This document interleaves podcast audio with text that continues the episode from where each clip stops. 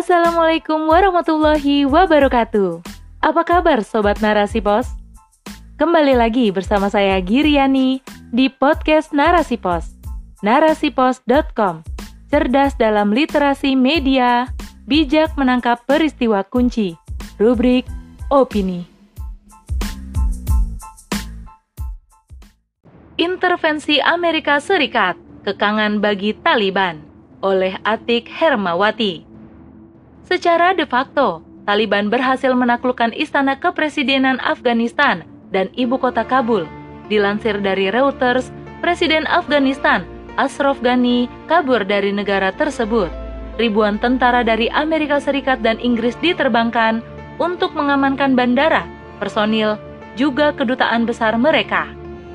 Namun, Amerika Serikat belum juga mengakui Taliban sebagai pemerintah Afghanistan yang baru Sejumlah syarat dilemparkan jika Taliban ingin didukung dan diakui Amerika Serikat. Adapun syaratnya, yakni berkaitan dengan inklusivitas. Juru bicara luar negeri Amerika Serikat, Ned Price, dalam keterangan persnya meminta Taliban untuk bersikap inklusif dengan menghormati hak asasi manusia, tak terkecuali hak perempuan, tidak memelihara teroris, juga harus demokratis. Tahun 1996, menjadi sejarah bagi Taliban yang mulai menaklukkan Kabul hingga tahun 2001 jatuh pada invasi Amerika Serikat. Kini, setelah tersingkir 20 tahun lamanya, Taliban menempati posisi itu kembali, pasukan yang diperhitungkan Barat setelah Al-Qaeda. Namun demikian, Kabul yang berhasil dikuasai Taliban tidak secara otomatis menjadikan kekuasaan dan arah Afghanistan secara penuh dijalankannya. Masa transisi ialah wajah Afghanistan kini.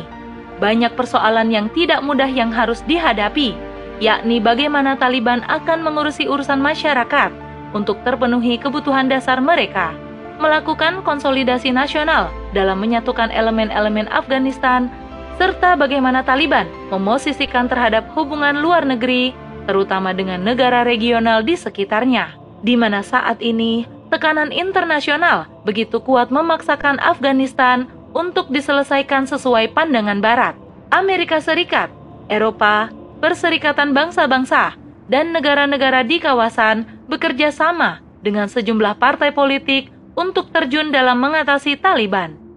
Amerika Serikat hengkang dari wilayah tersebut pun dengan proses negosiasi yang panjang dan cukup lama, bahkan sejak pemerintahan Donald Trump. Hingga akhirnya Joe Biden memutuskan untuk menarik total pasukan dari Afghanistan kini. Putusan itu tak terlepas dari kesepakatan di Doha, Qatar yang ditandatangani Amerika Serikat dan Taliban 2020 lalu, di mana poin kesepakatan lainnya ialah Amerika Serikat meminta agar Taliban tidak memberikan ruang bagi Al-Qaeda atau teroris lainnya dan pihak-pihak yang mengancam kepentingan Amerika Serikat juga harus menerapkan pemerintahan yang demokratis 19 Agustus 2021, juru bicara Taliban, Zahibullah Mujahid, mendeklarasikan Emirat Islam Afghanistan melalui Twitternya dengan deklarasi bahwa telah mengalahkan Amerika Serikat. Kemudian Taliban berjanji membuat pemerintah inklusif di Afghanistan. Poin tidak memelihara teroris dalam kacamata Amerika Serikat ialah Islam yang membahayakan kepentingan Amerika Serikat dan menerapkan pemerintahan demokratis menjadi senjata Amerika Serikat untuk tetap melakukan campur tangan. Hal itu bisa dijadikan alasan dan senjata balik untuk menghilangkan kekuasaan Taliban sesungguhnya. Bahkan, mereka bisa diperalat dalam memantik perang saudara atas nama WOT. Direktur Forum on Islamic World Studies, Farid Waji, mengatakan Amerika Serikat melakukan beberapa exit strategi untuk tetap mempertahankan kepentingannya di Afghanistan. Melalui pemerintah boneka dan negosiasi atas nama perdamaian dinilai telah gagal, lalu memanfaatkan negara-negara regional di sekitar Afghanistan yang di bawah pengaruhnya atau membiarkan Afghanistan dalam kekacauan, namun tetap memperhatikan kepentingan vitalnya seperti skenario di Irak.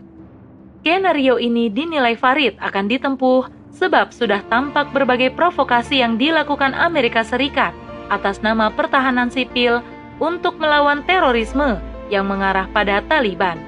Akibatnya, terjadi suplai senjata-senjata kepada masyarakat sipil. Bagaimanapun, Amerika Serikat ialah negara imperialis. Aksi busuk selalu hadir di setiap strategi dan kesepakatannya. Biaya triliunan dolar dan ribuan tentara yang terbunuh menjadi beban besar bagi Amerika Serikat.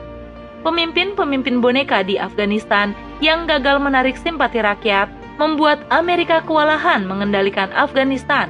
Sejak Presiden Hamid Karzai maupun Ashraf Ghani banyak melakukan korupsi di tengah kemiskinan rakyatnya dan tidak bisa menjamin keamanan. Akhirnya, dilakukanlah negosiasi sebagai langkah menyelamatkan muka Amerika Serikat dari kegagalan melawan pasukan Taliban. Negosiasi ini pula sebagai langkah untuk mengikat Afghanistan meskipun Amerika Serikat telah keluar secara raganya. Melalui negara-negara regional di bawah pengaruhnya seperti Pakistan, Amerika Serikat memainkan agar kepentingannya di Afghanistan tetap berjalan. Tujuan berbagai negosiasi itu bagi Amerika Serikat tak lain ialah untuk kepentingan politik di Afghanistan, yakni membendung kebangkitan sistem Islam yang sohih, juga menghambat Cina untuk menguasai. Selanjutnya, untuk kepentingan ekonomi, pipa gas TAPI yang membentang sepanjang 1814 km dari Turkmenistan dan menyalurkan gas ke Afghanistan, Pakistan, dan India menjadi bidikan utama di tengah eksploitasi lainnya, juga kepentingan-kepentingan lainnya.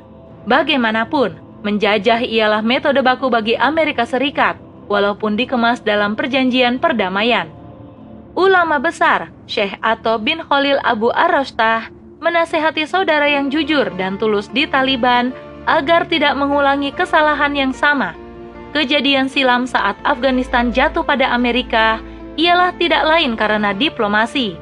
Masalah utama umat ialah ketiadaan khilafah, sedangkan partisipasi dalam sekulerisme tidak diterima oleh Allah Subhanahu wa taala. Beliau kemudian menekankan, hanya dengan kebenaran maka Taliban, negara, rakyat dan semua muslim akan diselamatkan.